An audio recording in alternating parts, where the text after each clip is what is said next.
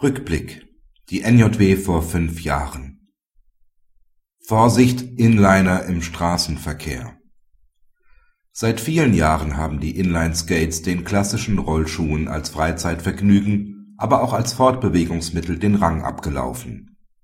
Inline-Skater nehmen am öffentlichen Straßenverkehr teil und sind, nicht zuletzt aufgrund hoher Geschwindigkeiten, an zahlreichen Unfällen beteiligt.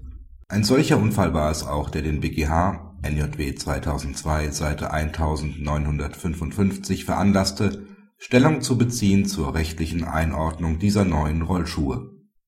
Sie seien, bis zu einer ausdrücklichen Regelung durch den Verordnungsgeber, als ähnliche Fortbewegungsmittel im Sinne des § 24 Absatz 1 StVO anzusehen. Daher müssten Inlineskater auch grundsätzlich den Regeln für Fußgänger zu unterwerfen sein Jochen Fritzweiler stellte diese Entscheidung in der NJW von vor fünf Jahren vor, in seinem Rechtsprechungsüberblick zum Sportrecht der Jahre 2002 und 2003 (NJW 2004, Seite 989).